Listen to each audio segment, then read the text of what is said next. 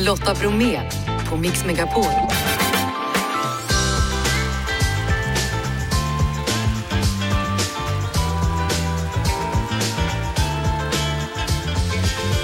Hallå där och varmt välkommen in till oss och vår onsdagsmix. Stefan Odelberg byter Bingolotto mot trolleri. Han kommer till oss efter klockan 17. Du får också tips på vad man kan göra i bilen. Imorgon så kan det ju innebära långa köer i midsommartrafiken. Luften kommer ta slut för de som är i ubåten som försvunnit nära Titanic. Eller är det redan för sent? Och vad gör väderanke nu för tiden? Ja, skriver böcker faktiskt. Strax så berättar hon om sina boksuccéer. Nu kör vi!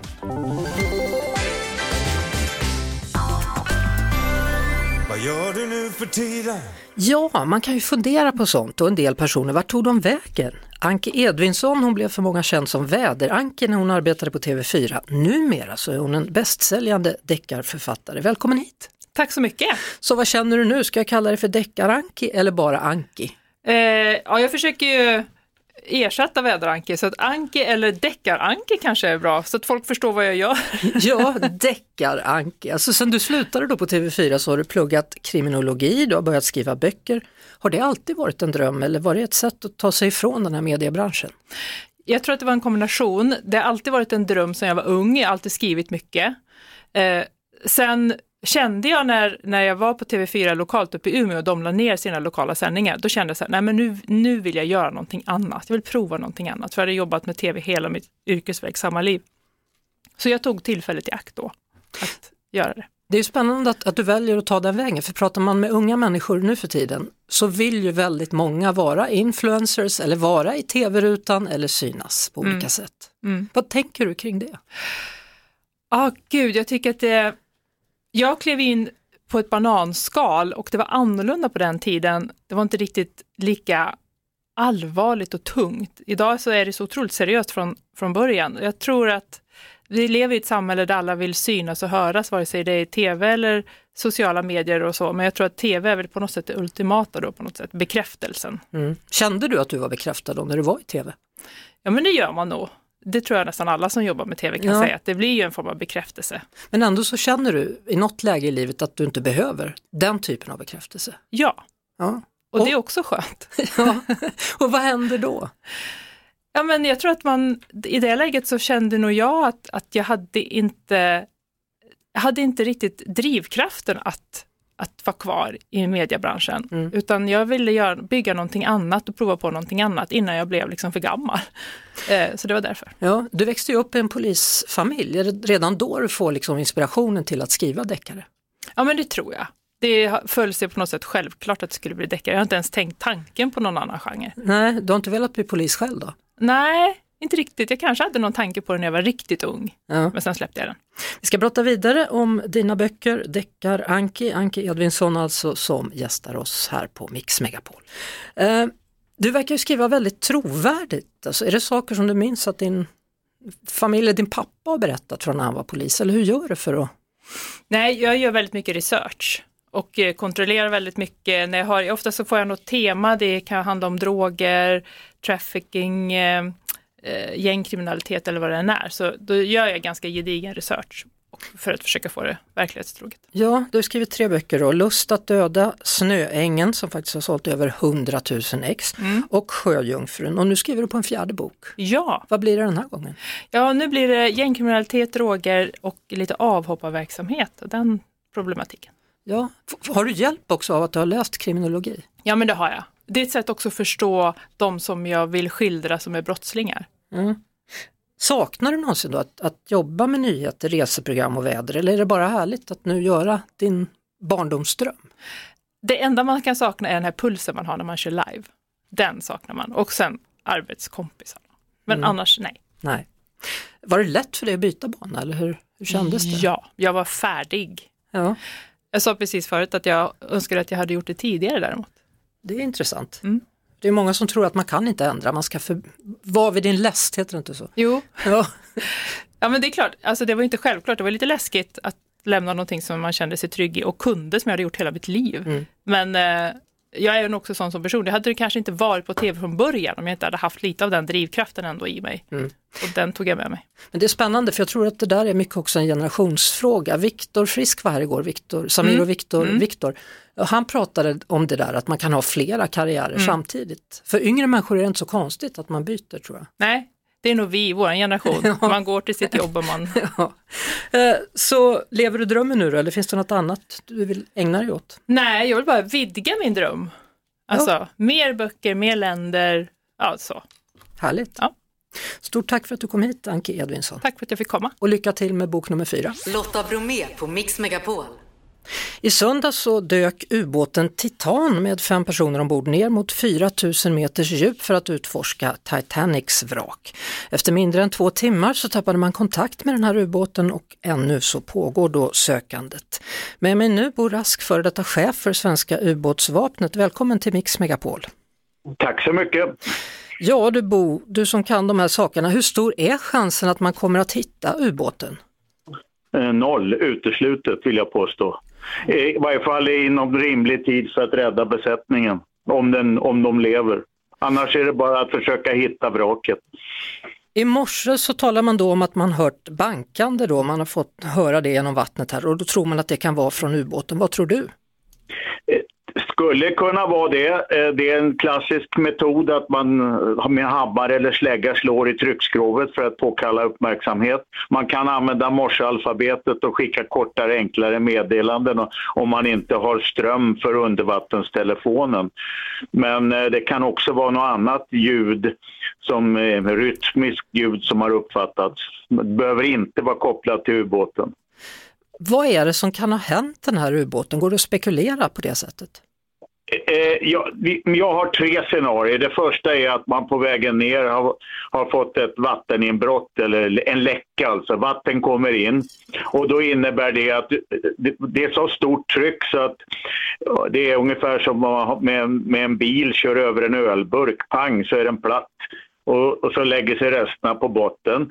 Det andra är att Eh, man har fått ett elbortfall, strömmen är borta, då kan man inte manövrera med pumpar, propellrar eller inte heller kommunicera.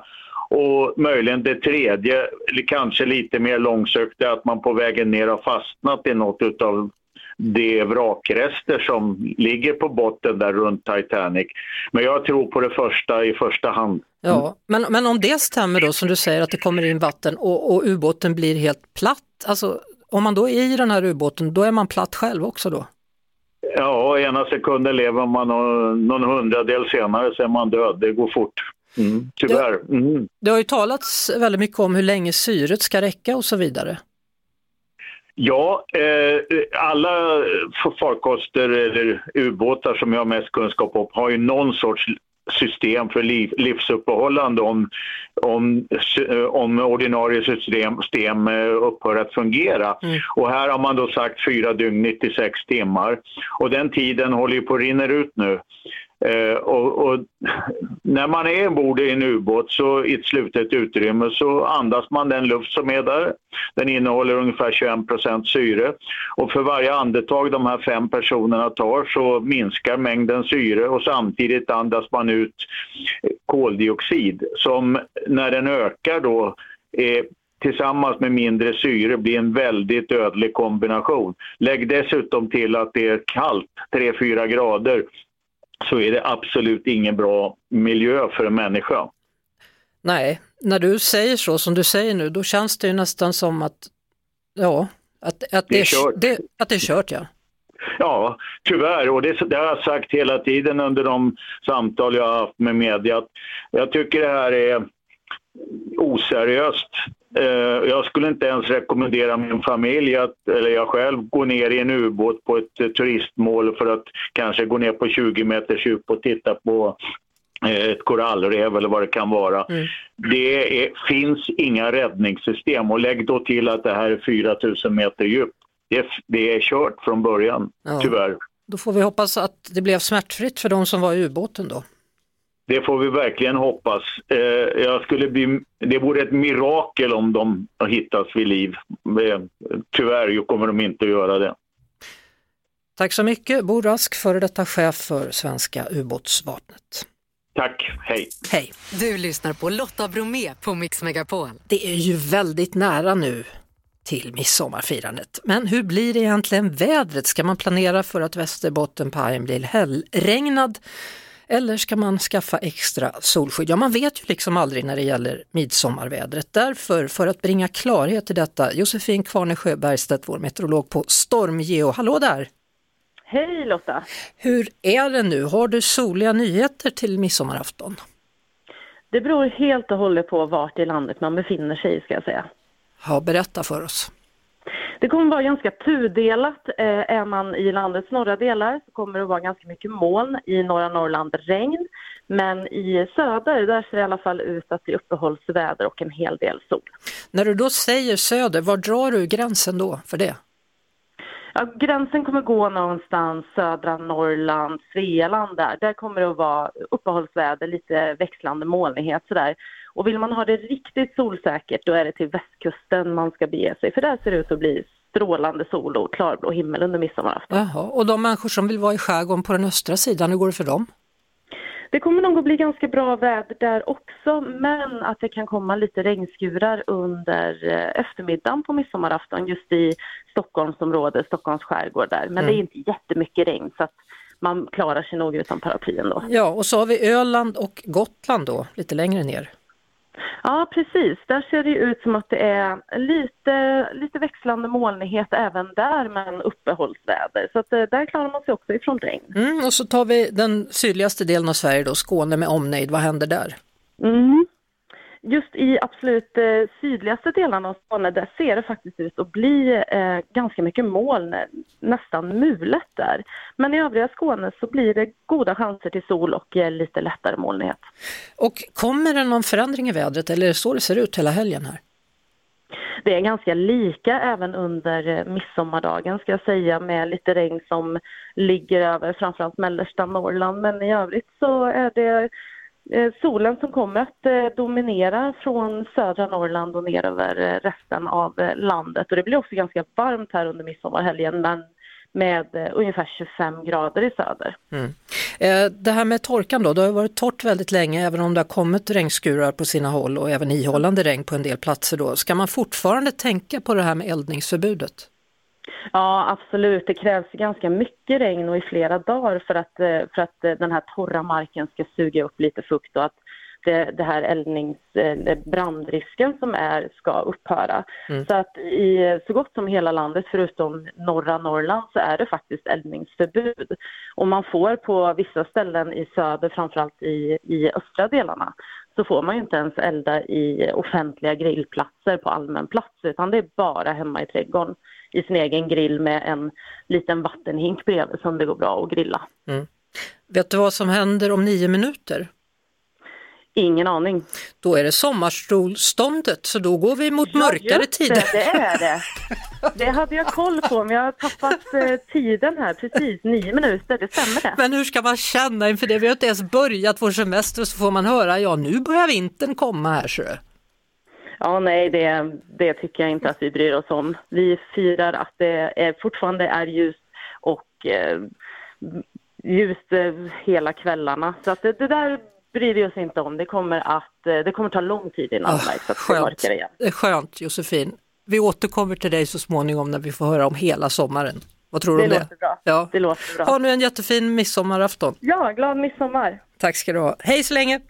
Hej, hej. Josefin Kvarnesjö Bergstedt, alltså meteorolog på Stormgeo. Lotta Bromé och den perfekta mixen på Mix Megapol. Nu säger jag varmt välkommen till Stefan Odelberg. Tack så hemskt mycket. Hur laddar du inför midsommarafton? Ja, men det är en bra fråga. Vi kör ju vårt sista Bingolotto då. Och i vanliga fall, eh, de tre senaste åren har det ju varit midsommarafton med just Bingolotto, men i vanliga fall så laddar jag ju ordentligt. För midsommarhelgen är ju den enda helgen jag inte vill missa. Men det har jag ju missat nu i tre år. Ja, Så att annars, eh, jag är inte så mycket för att lägga in sill och sånt där, va? men jag käkar gärna det. Och, ja, jag älskar midsommar. ja, men det blir ett sista Bingolotto. Ja, men precis. Ja. Hur, hur känns det? Är det vemodigt eller känns det dags att sluta eller vill du fortsätta? Ja, det var väl så här, jag pratade med en PR-kille som ni känner till, Johan Petré, han sa så här, han sa så här, det var perfekt att du slutar nu. Det var helt perfekt. Så sa jag, varför då? Jag, jag, jag tycker detta är kul liksom. Jo, men det här är perfekt. Bingolotto kan i nuläget inte ge dig något mer, utan det blir bara ett år till eller två år till och så vidare ur hans perspektiv då. Mm. Eh, och då tänkte jag så här, ja, jag får väl tänka då. Men alltså, för mig är det som så här, ni har ju också en plattform med massa lyssnare som lyssnar på er. Jag har massa tittare, Bingolotto tittare och jag vill inte lämna dem. Jobbet i sig, det, det kommer man ju hitta, man kommer göra massa olika saker. Men det, det är tittarna som jag värmar över liksom. De är det sorgligt att lämna. Men de kanske hittar det på andra ställen. Ja, det är ju det man hoppas. För nu handlar det ju om en soloshow då som du ska ut Ja. på i höst. Get ready for my close-up. Exakt. Berätta. Ja, men det här är en show som vi kommer börja med i Göteborg. Vi har 33 föreställningar eh, på eh, Avenyn uppe på Elite eh, hotell där. Och det eh, även i det huset så började jag min karriär en gång i tiden med magi 1996 eh, eh, på Cabaret Långsberg. där. Så det blir lite knyta ihop säcken men Skillnaden nu det är att vi skapar ett koncept där det bara är 66 personer i publiken. Och det är för att många tycker så här magi det är kul att se, det ser man ju bara så här talang över hela världen, det är ofta magiker som vinner och så vidare. Sen är de sjukt mycket bättre än vad jag är men jag hoppas kunna underhålla mer. Eh, men det är just det där att se det live, det är det ena med magi och humor. Och sen då, är man bara 66 personer så får man också vara väldigt nära. Och det är konceptet här liksom. För det är lite dubbeltydigt där, Get ready for my close-up är ju oftast närbild. Men, Mm. Ja, men precis. nu handlar det om att du Ja. ska gå, ska du interagera Nej, eller det- agera det- med publiken? Ja, det mycket det grejen? interaktion Ja. med publiken är det. Det finns ju en fast scen men alla stolar har sin liksom charm att sitta på. Okej, Så är det. så beroende på var man sätter sig Ja. förvandlas man till någonting. Man kan faktiskt kalla det så. Det var en bra pitch faktiskt. Alltså, Ja, det, det låter var ju det väldigt faktiskt. spännande, man undrar ju. Ja, Ja. för att grejen är den att också innan, innan man går in i föreställningen eller ja, och ser showen så att säga, så har man också möjligheten att ta på sig en amulett. Och då finns det tre amuletter av en sort och sju av en annan. Och den det finns sju av, det är en sån amulett om man vill vara säker på att sitta kvar i sin egna stol genom hela föreställningen. Då klämmer man på sig en sån. Men sen finns det tre amuletter också om du vill garantera att lämna din stol för att komma upp på scenen. För de som tycker det är kul. Det finns de som tycker det är kul. Ja, absolut. Vi ska alldeles strax prata om vad som hände när du var med hos Uri Geller. För då försvann Ah. ju du helt och hållet. Du lyssnar på Mix Megapol, Paul, det är Stefan Odelberg som är gäst. Det är Stefan Odelberg som är vår gäst eh, sista sändningen då, Bingolotto, Ja, i precis. övermorgon på midsommarafton. Och sen så blir det Daniel Norberg då som tar din plats. Ja, precis. Har du gratulerat honom eller är du bitter? Jag var, nej, jag var absolut den första som gratulerade honom. Eller bland de första hoppas jag i alla fall. För jag visste ju det lite innan övriga. Så att, Ja. Nej då, det är en, eh, en vän och han tycker jag är jättebra. Så att det där kommer funka hur bra som helst. Eh, vad var det som hände när du var med i Uri Gellers show? Ja, detta var exakt 12 år sedan nu och det var en jäkla rolig grej. Det här var ju en, liksom en tävling med etablerade magikers, så att säga då. Och vi var eh, 10 plus 10, jag tror vi var 20 stycken eller något sånt där. I alla fall, eh, och man blev det var ju svenska tv-folket som röstade då. Och så till sist så skulle man då vinna en halv miljon eller vad det var. Fenomen hette programmet Fenomen ja, Mm. precis. Det var Claes Åkesson hette han ju då och eh, Sofia Wistrand som var programledare. Mm. Och Uri Geller då, den här skedböjaren. Och, eh, nej, men, och då blev det semifinal. Jag visste det att jag ville hänga kvar ganska, till semifinalen ville jag hänga kvar. Så det var Mm. viktigt att man gjorde bra nummer innan. Jag hängde kvar, jag blev rustad och så vidare och fick vara kvar. Och då gjorde jag ett trick på slutet då i semifinalen. Där jag försvann helt. Jag satt eh, under en stol med massa spadar och skedar och all skit som Ure hade böjt genom sitt liv. Och sen så slog det här igen som, eh, eh, som ett, en, en Tyrannosaurus rex käftar. Ja. Och så skulle jag ju sitta där under och det gjorde jag. Men sen när de öppnade på skynket så var jag borta. Och då var jag borta helt. Och jag stack ifrån programmet så att säga. Och, ja, Ja, och då var det ju så jäkla kul därför att då blev det ju panik där, för det var ju också ett live-format. Och, och den här bussen med alla tekniker och alla, de undrar hur ska vi göra, vad ska vi, Claes visste inte någonting och allting. Och då till sist så säger Sofia Wistrand i slutet av programmet att ja, om inte Stefan Odelberg kommer tillbaka så måste vi diskvalificera honom. Och det tycker jag är, jag tycker det är fantastiskt. Man är med i en magishow. Det handlar om att göra det bästa magi man kan göra. Man Ja. försvinner, de hittar den inte. Och så blir man diskad. ja vad, vad kan du göra mer än Nej, så? Exakt. Så det var, det var sjukt roligt, men det, det uppmärksammades väldigt mycket Ja. i, i media, det var kul var det. Men nu då, så här många år efteråt, vart tog du vägen? Vad Ja. var du då? Jag har inte riktigt än, jag har funderat på hur jag ska göra med det där. Eh, jag vet inte än. Sommarprat, då ska jag tala om det. Ah, du kan nog berätta om en liten stund. Vi lyssnar på Kiss först så får du formulera Ja, det är bra. Hur, hur, hur blir det nu då? Ska jag tjata hål i huvudet på dig om det här med Uri Geller-grejen och hur du försvann eller vad vill du? Ja, det är ju härligt det där. Alltså, någon gång så ska man ju göra om den här grejen. Det vore ju kul verkligen. Och, och ringa Uri Geller och säga sen I did it again. Oops, Ja, I did just it again, Ja, till och med. precis, precis. Jaha. Du, stämmer det att du började din trolleribana genom att uppträda för barn? Jag gjorde några barngrejer, jag jobbade en skiva för också så musiken har vi gemensamt eh, och där fick jag lära känna en gammal man som eh, ville ha hjälp med skivorna och det visade sig att han var en trollkarl. Han lärde mig några trick, jag visade dem på någon skola hit och dit. Och sen då så kom jag till det här Park Lane då, där de frågade, kan du göra en scenshow också? Och där var ju mitt första ljug, det var ju det att, jajamän det kan jag göra men jag har inga grejer. Perfekt, du får jobbet. Men du, vi- vilket är lättast? Att trolla inför barn eller att trolla nej, nej, inför nej, nej, vuxna? Alltså, jag, jag trollar inte längre för barn om de inte råkar vara med på en fest. Men Varför? Jag, jag, hatar det alltså. Jag tycker det är, det är, det är för jävligt. Varför då? Alltså de, för det första, det är två grejer. För det första är jag för det första förstår inte barn ironi och det är inget konstigt. Nej. Men jag jobbar mycket med ironi, vilket innebär att när jag tar fram typ en låtsasduva eller något sånt där så säger de så här, men det är ingen riktig. Nej, tacka fan för det, det, är en, det fattar ju alla att det inte är en riktig duva där. Ja. och, och sen så är de, de är krävande alltså, du får ju vara VM-mästare för att klara lura ett barn alltså. Ja. Men jag, ty jag tycker det är roligt att, att prata vuxet mot barn, du vet, alltså att man är vuxen, Ja. fråga vad de jobbar med och vem de är gift med och sånt där. Så Tobbe Trollkarlen, han har han- ingen konkurrens, han får, han Nej, får det. Han inte får göra mig allt. kan jag säga. Nej. Det är, det, det, jag är imponerad. Det roligt att du är så tydlig bara, nej, nej, aldrig mera barn. Nej, det är sjukt svårt är det. Det är, det är krävande är det. Ja. Jag hade till och med, jag, jag trollade för mina kusiner, jag hade kusiner som jag trollade för en gång. De bad mig så här, kan du inte komma till vår skola och trolla, det många år sedan. Och då gör jag det för jag tänker att det ska vara trevligt. Mm. Ja. Men fan, det var de två som var de jävligaste av alla. Va, vad gjorde de Nej, då? de pekade ut mig och sa hur jag gjorde och sådana grejer. Alltså mina egna släktingar. Så, Så aldrig mera barn. ja, ja, nej. Ja, nej, men är det en familj så är det ingen fara för då kan man skoja på ett bra sätt. Men rena barnupplägg, nej.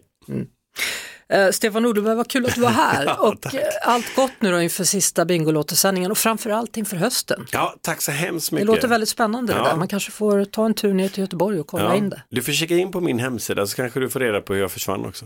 Kan det vara så? Ja, man vet aldrig. Ska jag kolla det då? Man vet inte, hemsidan kan ju vara försvunnen när du går ut härifrån också. Ja, så ja. Att, ja, ja, vi får se. Tack för att du kom. Tack själv, hej då. Hej! Lotta Bromé på Mix Megapol. Hörrni, vi står ju inför en av våra största reshelger. Det handlar ju om midsommar. Det är ju lika bra att man förbereder sig på att man kommer hamna i någon kö redan nu. Men för att slippa få det allt för långtråkigt och att det ska bli dålig stämning med gråt i bilen så tänkte vi att vi skulle dela med oss av lite tips då vad man kan hitta på. Eller snarare Vivi Wallin, poddare, pyssel och fixarexpert och mamma. Du har ju koll på det här med vad man kan göra när man blir sittande.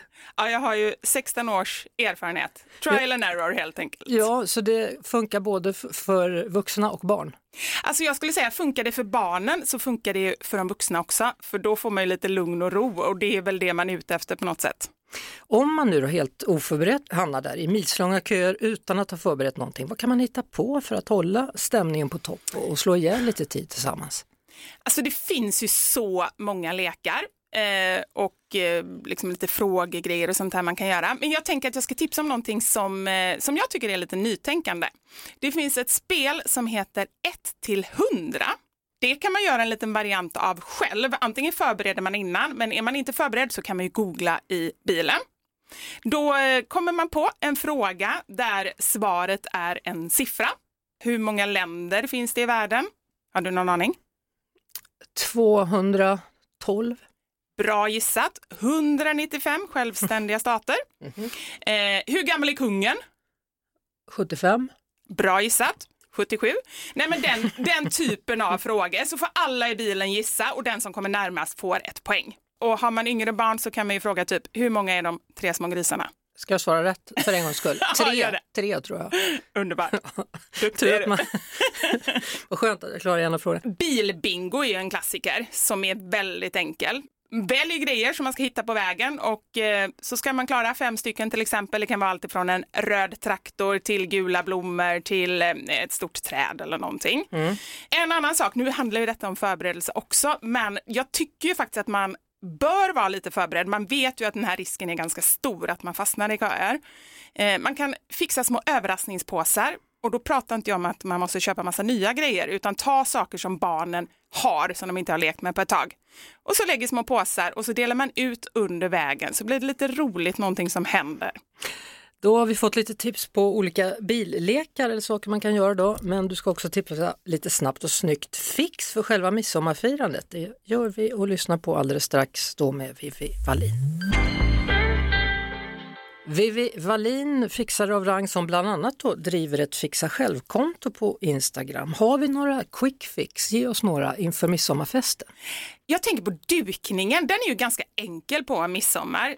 Vi har ju det mesta i naturen, så bara ut och, och fånga tänkte jag säga, det, det, det är väl inte riktigt, men plocka blommor och stenar. Det är också ett exempel vad man kan göra med barnen om de är lite så här uttråkade. Eh, låt dem samla stenar och så eh, måla stenarna helt enkelt så man har en liten målarstation. Och sen kan man ju även göra bordsplacering av det, alltså skriva namnet på, på alla gäster och så mm. placera ut. En annan dukningsgrej som jag tycker är bra, som jag var med om eh, för några år sedan, det var en liten station med där det stod eh, vinglas och eh, lite pynt, piprensare, pärlor, och lite sånt där. Så fick man göra sin egen sån glaspassare, eh, eller vad heter det? Alltså märka upp glaset, för då känner man ju igen sitt eget glas. Plus att det blir lite pyssel, man börjar prata med de andra gästerna. Eh, mat och dryck, fokus på midsommar. Har du något som är lätt men ändå känns lite sådär extra att bjuda på? Alltså jag har en midsommartårta som jag har gjort typ fyra år i rad. Den är egentligen för enkel för att liksom dela med sig av. Men det är också så här, vi har kört tårtbuffé och det är den tårtan som går bäst av alla. Då eh, smälter man smör, mixar man digestivekex, blandar det till en botten. På detta så har man dulce de leche, finns färdigt att köpa i burk. Och sen på det grädde med daimkross. Alltså det är ju ingen hälso, hälsokur men, men den är god. Alltså den är magisk och så massa bär och, och så på. Ja, vad skönt att då kändes det lite nyttigare genast. Ja. På något vis. Det, det helt plötsligt så blev det en hälsokur. Ja.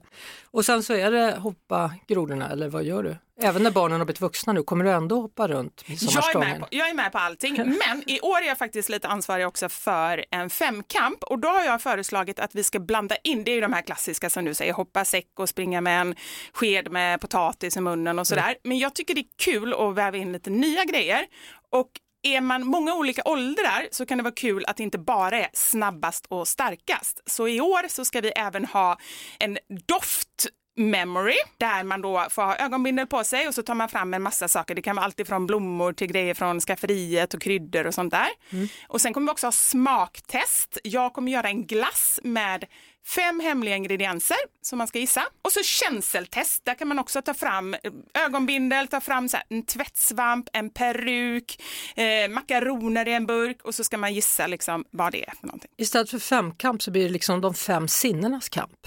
Bra, det hade jag inte ens tänkt på. Jo, men så är det Bra, ju. då kommer jag döpa det till det. Fem sinnenas kamp. Tack.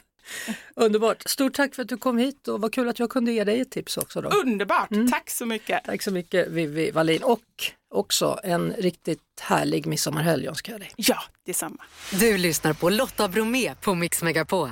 Igår kväll så släpptes en otrolig nyhet, i alla fall om man då är ett Taylor Swift-fan. Den 17 maj 2024 kommer nämligen Tay-Tay till Sverige. Och en av dem som definitivt ser fram emot Sverigebesöket är Julia Nilsson. Välkommen till Mix Megapol Julia!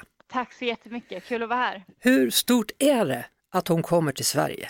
Men det är otroligt stort. Eh, det är första gången på väldigt, väldigt länge som hon eh, kommer dit och eh, det är väldigt många som har väntat länge på det här. Det är en otroligt stor turné, världsturné och varje konsert är över tre timmar lång så att vi är många som är väldigt taggade. Var var du någonstans när du fick reda på att Taylor Swift och The Eras Tour kommer till Sverige? Jag var hemma med min mamma och några kompisar. Man har ju antagit att det här ska komma men inte riktigt vetat när. Så att vi har egentligen bara väntat på datumet när det här ska släppa men det var, det var nästan som en lättnad när det faktiskt kom. Har, har du sett henne live förut?